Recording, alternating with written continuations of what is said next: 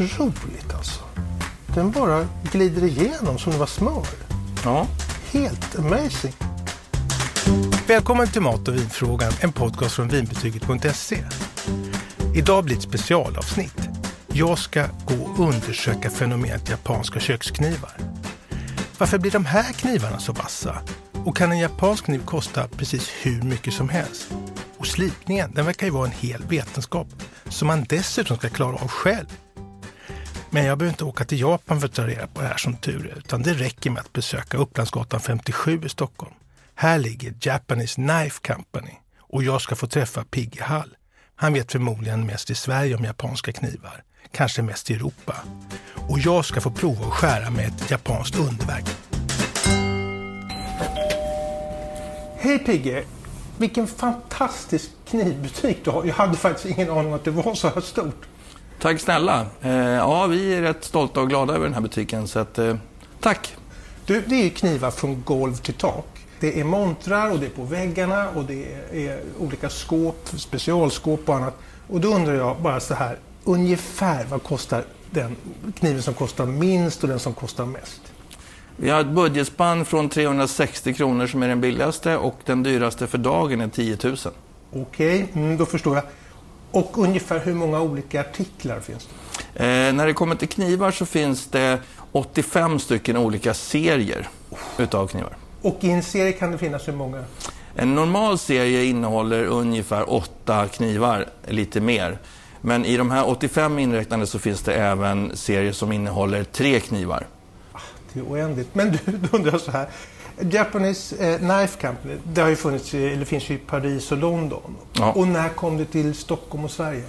Ja, den första april nu så firar vi fyraårsjubileum. Då undrar jag så här lite, alltså man tittar på eh, det här med knivarna och man ser de här Tarantino-filmerna, du vet Kill Bill med samurajsvärd och annat och sånt där. Va? Och någonstans så tyckte jag, jag läste att de här svärdsmästarna, de fick inte göra samurajsvärd och då började man göra knivar istället. Kan det stämma? Ja, det finns en historia kopplad till det här. Och, eh, den kommer ifrån Meiji Jing-eran, 1750-tal när man rekonstruerade samhället i Japan och eh, bland annat eh, tog bort samurajerna.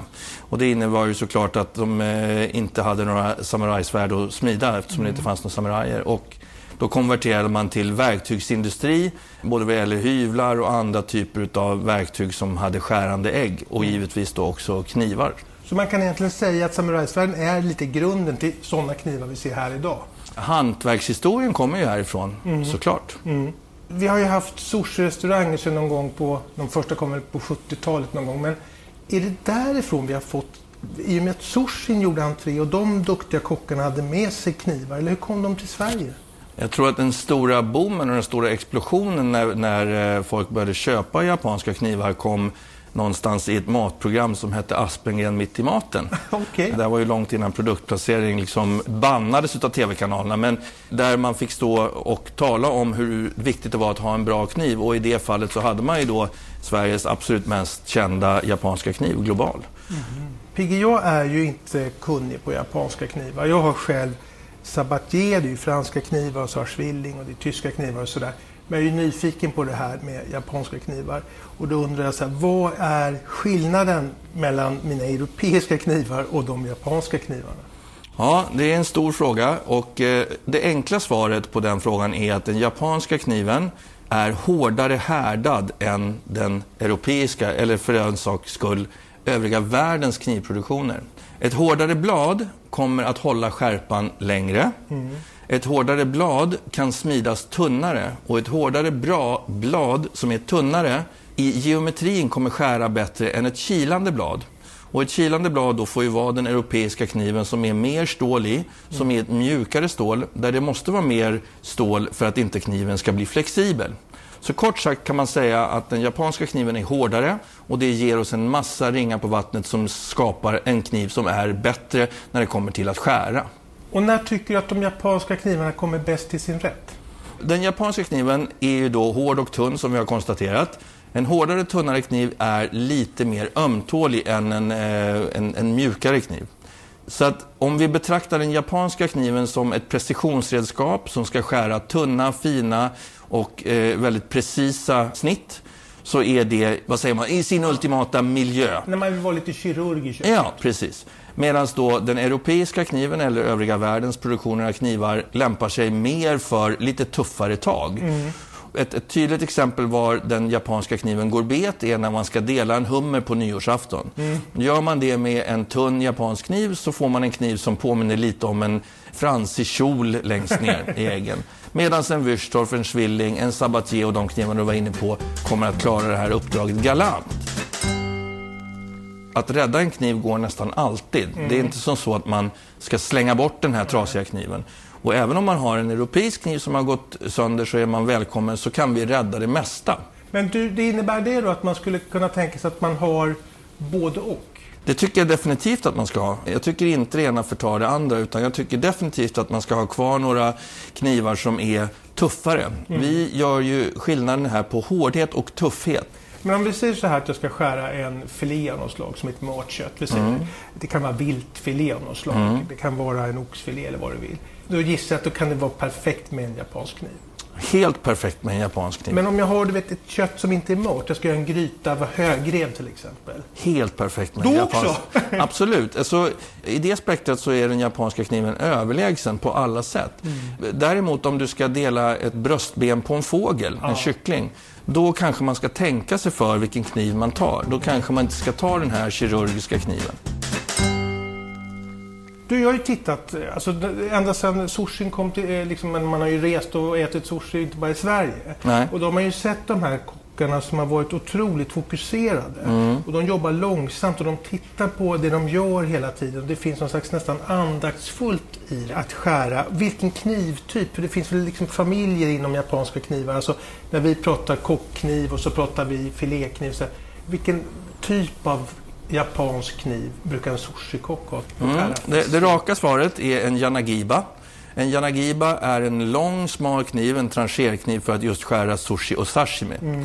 En yanagiba är enkelslipad och enkelslipad är en, en, kniv som är väldigt tjock över ryggen och har en lång ägg någonstans från mitten av kniven som faller ner hela vägen ner till äggen. Mm. Det är en enkelslipad kniv. Den serien av knivar mm. faller under någonting som vi kallar för Japanese style. Mm. Alltså de traditionella japanska knivarna. Mm. Sen så gör man knivar i Japan för den europeiska marknaden men även för den inhemska marknaden under någonting som heter western style.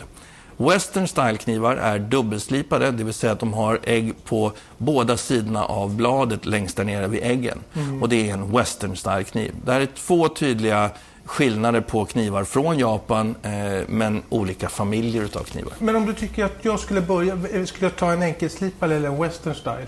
Eh, det beror på hur mycket du vill glänsa hemma i köket och hur många som är vid matbordet. Den enkelslipade kniven, det finns ingenting som kan bli så vasst som en enkelslipad knivprofil. Så den, den gör jobbet absolut bäst. Men om du vill göra sushi hemma så skulle jag rekommendera dig att köpa en lång smal western style kniv utav modell Sujihiki mm. som är liksom the next generation for sushi knives eller vad man skulle kalla det. Hur mycket har du varit i Japan? När jag lyssnar på det så får jag känslan att du kan det här landet ganska bra. Jag har varit där, inte vansinnigt många gånger, men jag har varit där en, en sex, fem, sex gånger. Eh, ganska långa perioder åt gången och tycker mig kunna njuta av landet men långt ifrån säga att jag kan landet. Ja, jag varit där en gång men det är många, många år sedan mm. i Tokyo. Känner du då att du kan allt om Japan? Absolut inte. Det, alltså mitt minne var ju när man gick i någon vacker park i Tokyo och de stoppade mig och ta bild på mig. Va? Ja. Det var länge sedan och, och, för att de tyckte jag var lång. Och ja. jag, är 1,90. Jag är inte någon som LeBron James eller så. Nej. Men det var ändå så. Du har utbildats lite, en del i Japan också? Ja, jag, eh, jag har lärt mig att slipa i Japan mm. och sen praktiserat länge hemma och eh, fått lyckan sen att få en uppslipning i Seki City, vilket är en av de stora knivproducerande områdena, eller knivproducerande staden, där jag fick ett diplom i knivslipning som andra västerlänning. Var de stränga skrek de åt dig? Oerhört noggranna kanske inte så stränga men oerhört noggranna och eh, kontrollen av mitt blad som passerade deras tester var minutiös. Det var, där, där hade inte jag blivit certifierad om det inte hade varit ett perfekt slipat blad. Men tyckte de var kul att du var där som västerlänning om du var den andra som blev certifierad? Nej. Nähä. Nej. Sen så var jag tillbaka året efteråt och höll på att slipa och liksom vidareutbilda mig hos det här, på det här stället. Och sen så sitter mästaren utanför Eh, och slipar knivar. Och hör hur jag jobbar där inne i butiken så kommer han in och jag blir skitnervös. För han står bara bredvid och pratar japanska med en annan kille. Sådär. Och efter det här så säger den här killen som kan både eh, japanska och, och eh, engelska säger till mig, han hörde att du kunde slipa. Och nu har han tittat och han tror att du är mogen för att eh, åka dit och, och eh, få en uppslipning. När det kommer till slipningen så vet jag ungefär hur man gör med en sabatier och så vidare. Men hur gör man med de japanska knivarna? Mm. Tekniken är densamma oavsett om det är en europeisk kniv eller om det är en japansk kniv. Så själva sliptekniken på en slipsten är densamma. I och med att den europeiska eller den västerländska kniven är mjukare i stålet så kan man inte ha för brant slipvinkel. Man kan inte göra äggen för tunn. Så man måste bara anpassa slipvinkeln efter det som ska slipas. Okej. Okay. Mm. Men det här med slipsten. Mm. Det har ju inte många, tror jag, till sina europeiska. Utan de har ju, du vet, sådana här man drar mm. eh, med hjul och så är det två, tre steg mm. man går igenom. Eller också kanske man har ett klassiskt bryne och så mm. vidare. Så det här med slipsten trodde jag var för, mer för japanska knivar. Eh, så skulle man ju kunna se det, men, men eh, slipstenen slipar. Mm. Ett brynstål slipar inte kniven. Det bryner kniven och, och skillnaden mellan att bryna och slipa kniven är enkelt uttryckt att brynstålet är en form av underhåll. Mm. Medan slipstenen har möjlighet att avverka tillräckligt mycket stål för att bygga upp en ny ägg de här små rullmaskinerna som du eh, hänvisar till, roligt nog så är de japanska och under namnet Shinkansen säljer man dem i Japan. Mm. Shinkansen, om du inte känner till det, är snabbtåget i Japan. Ja. Och det är ju då man rullar fram och tillbaka, fram och tillbaka fort som, eh, ja. höll jag på att svära i radio. Men, men, men, man rullar fram och tillbaka och får till en, ett, ett bra resultat enligt oss. Du nämnde att japanska knivar är hårda i stålet. Måste man slipar de inte lika ofta då som en europeisk kniv? Mm, det stämmer. I och med att den håller skärpan längre så kommer du att behöva slipa den mer sällan. Men om jag ska slipa den då, mm. är inte det ganska knepigt?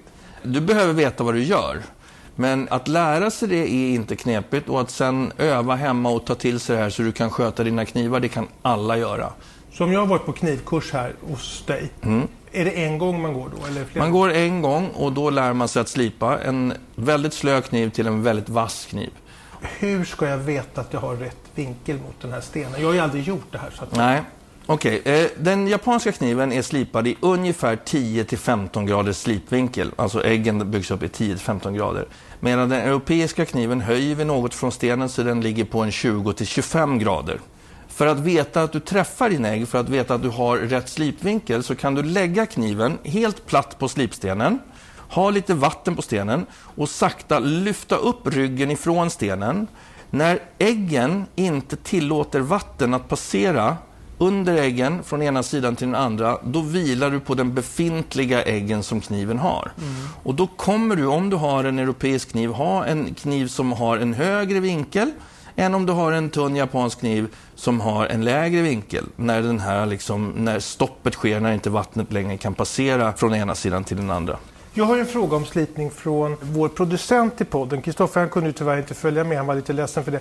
Han har, en, eller han har flera japanska knivar, men en är då gjord så att den inte ska rosta. Det finns någon, eh, om jag förstår det, liksom någon form av eh, blandat stål där. Eller legering kanske heter. Eh, och då har han fått höra att är det mera kolstål, den måste man vara noggrannare med att sköta och torka av direkt för att annars så blir det eh, liksom rost och sånt. Men hans kniv är då lite rostfri kan man säga. Men den är svårare trodde han att slipa än den renare kolstålskniven. Mm. Det här är en, en ganska då, eh, många frågor i samma, eh, i samma fråga. Men för enkelhetens skull, då, du var inne på det, stål är en legering och den är legering av två ämnen till att börja med, järn och kol. Om vi smälter samman järn och kol, då har vi ett rent kolstål. Det stålet har magiska egenskaper att bli vasst åter och åter igen vid slipning och det är lätt att slipa baserat på sin komposition om jag så säger. Om vi tillskjuter i legeringen krom och molybdium är en vanlig, eh, ett vanligt ämne som man skjuter in i den, då uppnår vi en rostfri produkt. Den rostfria produkten har lite sämre egenskaper att bli sådär äh, fantastiskt vass som kolstålet har. Och den kan vara lite besvärligare att slipa för att krom i sig är väldigt hårt. Kolstålet är alltid lättast att slipa. Men en korrekt smidd kniv i rostfritt kan vara väldigt lätt att slipa trots allt. Om man inte riktigt kan och känner att man har fina knivar, kan man mm. komma hit och lämna dem för slipning? Man är väldigt välkommen hit och slipa sina knivar. För att jag tänker så här att man har kanske inte tiden, förmågan att, att plugga in det här som ändå handlar om vinklar och vatten mm. och så vidare. Och så dessutom är man lite rädd om sin kniv mm. och tycker att det är trist om det inte blir bra. Mm. Så är det en möjlighet alltså? Absolut. Alltså, vi slipar knivar dagligdags. Här. Vi har i genomsnitt 30 knivar som vi slipar varje dag, så det går jättebra. Kort bara du om skötseln då. När jag använt min kniv, mm. vad gör jag då? Ja, då går vi tillbaka lite då till den här kolstålskniven till exempel som vi började med att prata alldeles nyligen här om. Då. En kolstålskniv, eh, den måste vara torr vid förvaring. Eftersom den inte har krom och molybden i sig så kan den rosta.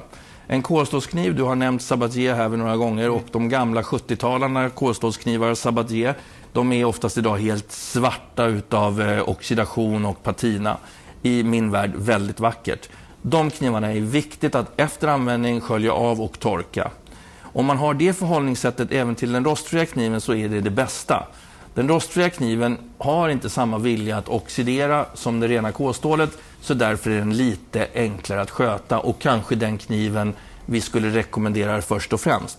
Och kolstålet mer till den som är lite mer nördig och lite mer, ja, bryr sig lite mer om sina redskap. Okej, nu har jag två knivar framför mig och en skärbräda. Mm. berätta om de här. Okej, båda två modellerna som du kan se är eh, samma modell. Och det här är en Santoko-modell. Om man räknar på japanska så är det Ich ni san. San är alltså tre. Santoko tillsammans blir tre göromål. Det är alltså en ultimat allround-kniv och därför skulle det vara en av mina rekommendationer. Santokon finns som modell i nästan alla knivserier och det är en väldigt vanlig japansk kockkniv. Så om man kommer in och säger jag vill ha en kockkniv, ja du vill ha en Santoko säger du? Eh, efter, eh, efter några frågor fram och tillbaka så hade vi säkerligen hamnat i det. Om det kommer in en och ska köpa en present, vilket är väldigt vanligt, så rekommenderar jag en traditionell kockkniv. För det är kanske en kniv som är ett mer invant beteende i hur man använder. Den här skiljer sig lite från en kockkniv i sin, eh, i sin eh, profil. Okej. Okay. Ja, jag tycker ju att du ska prova här nu då och, ja, och skära. Och då är det som sagt två olika kvaliteter utav samma tillverkare och den ena är gjord i tre lager utav stål. Du får jättegärna testa den där då. Nu får du säga om jag gör fel. Eh, ja. Nu framför mig har jag två tomater och en ganska så okokt råpotatis. Ja. Jag börjar nog med den här eh, vanliga tomaten. Mm. Otroligt alltså. Den bara glider igenom som det var smör. Ja. Helt amazing. Nu är en tomat, den är lite hård i skalet alltid, mm. men inte inuti. Nu hoppar jag över till, till eh, potatisen. Mm. Jag skivar ju ofta potatis för jag gör olika potatisrätter. Är jättehärligt. Den bara... En lätt rörelse. Du, är det någon teknik jag ska ha också när jag skär? Tycker jag tycker att du har en, en fin teknik, för ofta när vi får in kunder i butik så, eh, så kan de faktiskt inte skära, utan de trycker. Just det, neråt, rakt. Ja, bara rakt ner. Och, eh, eh, det, är, det är en felaktig teknik, för att kniven om man skulle i mikroskop blåsa upp äggen så skulle man se som små, små, små tänder mm. i kniven. Och det är det som tar tag i råvaran och skär. Och en förutsättning för att kniven ska skära, det är att vi skär med kniven. Det vill säga antingen skjuter den ifrån oss eller drar den emot oss. Att bara trycka rakt ner, det, det ger oss inget svar överhuvudtaget. Nej, och dessutom så kan det ju bli så att man pressar ut köttsaft eller Absolut. fruktsaft ja. eller grönt, ja. vad det nu är i. Ja. Man pressar sönder den istället för att få ett snitt. Ja. Du ser ju på tomaten, du har till och med delat på kärnorna. Jag tyckte det var viktigt. Ja, man vill ju ha halva kärnor. Den här är smidd i 33 lager, så den här har fler lager utav stål. Och du ska själv få prova där. Jag tar börjar med så. en mm. ny tomat här. Mm. Och då ska jag, jag ska inte avbryta det här för du har inte sagt någonting. Men vad jag ska säga är att jag tror inte du känner någon sån här vansinnigt stor skillnad, eller hur? Nej, båda är ju supervassa. Mm. Och då är det som så att det är inte så stor skillnad på de här eh, knivarna, mer än då skämtsamt nu 600 kronor. Ja. Men den stora skillnaden kommer vid återslipningen. I och med att den 33-lagerskniven där har en tunnare kärna är den lättare att återslipa. Så för de 600 kronorna då som det skiljer i pris här så får du en kniv som håller skärpan dubbelt så länge som den där trelagerskniven. Mm. ja, Jag måste skära en gång till. Mm. Vet du, när man drar tillbaks den, helt otroligt. Det, det är som att det finns inget motstånd överhuvudtaget. Okej, nu har jag provat en med tre lager och en med 33 lager. Mm. Och vad kostar den med tre lager? Den kostar 1200 kronor. Ja, det, är inga, det är ju pengar men inte jättemycket pengar Mm. Nej. när det gäller knivar. Och den med 33 lager? 1800 kronor. Det är inte heller... Det, jag trodde det här skulle dra iväg. Och jag brukar säga det att det här är bechamelsåsen utav kniv i Seki City. Det är alltså ett perfekt grundsmide för en perfekt kniv till ett perfekt pris. En fantastiskt bra kniv för alla. Sen så kan man ju överdriva smiden och få samurajliknande smiden med, med flera hundra lager utav stål. Och det är klart att då har ju köpet övergått kanske utav en mer passionerad art än bara funktionell. Du märker att jag börjar liksom bli lite besatt av den här kniven. Och då tänker jag så här, om jag kommer hem med den då, då har jag i en kökslåda ett stort knivblock där de ligger så här i trä. Är det okej att förvara den där? Det är okej, det är precis det, det är okej. Men inte det, optimalt Nej, det. inte optimalt. Optimalt är att du har en knivlist som är magnetiskt på väggen i köket. Dels så ser du i kniven vilken kniv du ska ta, så den är ju liksom alltid nära till hands. Om kniven ligger i den här eh, knivlådan i den här, så åker ju lådan ut och in flera gånger om dagen och det blir små, små eh, vibrationer där kniven liksom åker fram och tillbaka liggandes med äggen neråt. Ska man ha det här så ska man ha äggen uppåt och nu är vi inne i farliga vatten. Att ha en kniv med den vassa sidan uppåt i en låda är ju inte heller att rekommendera.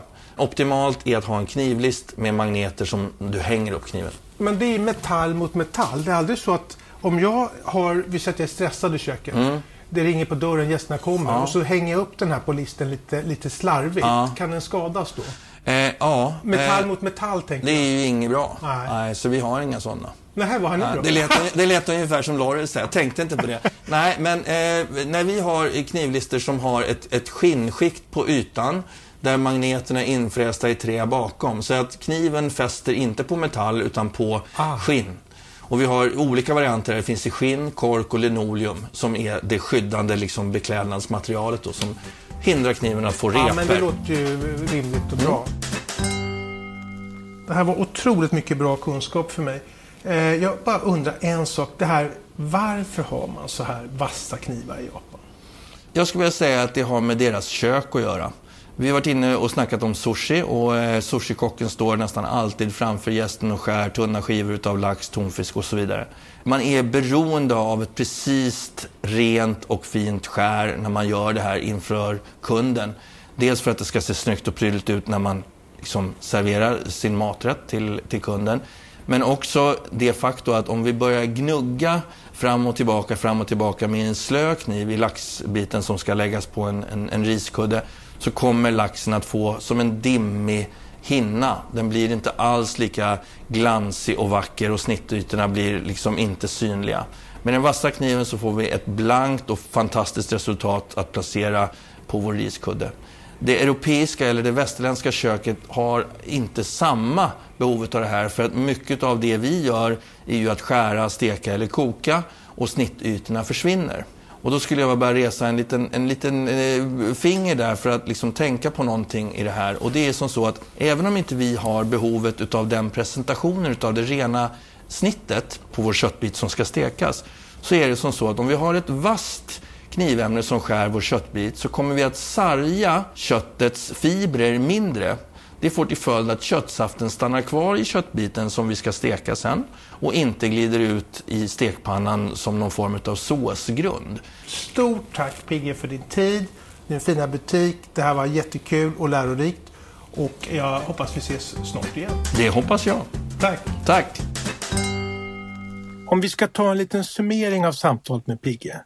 Japanska knivar är hårdare än andra knivar och går därför att slipa vassare.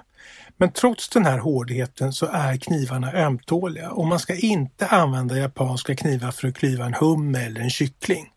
Och i köket så behöver man därför fler knivar som är, alltså knivar som är robusta också. Och sen finns de här japanska knivarna i alla prisklasser. Och när du ska välja din första kniv, välj en modell efter vad du skär. Alltså skär du mest grönsaker, fisk eller kött. Och vänd dig till en butik som verkligen kan knivar och inte bara vill sälja. Och som vanligt, tack alla som har lyssnat. Vi hörs snart! Har du frågor om mat och vin? Alla frågor är välkomna. Maila till mig på stefanatvinbetyget.se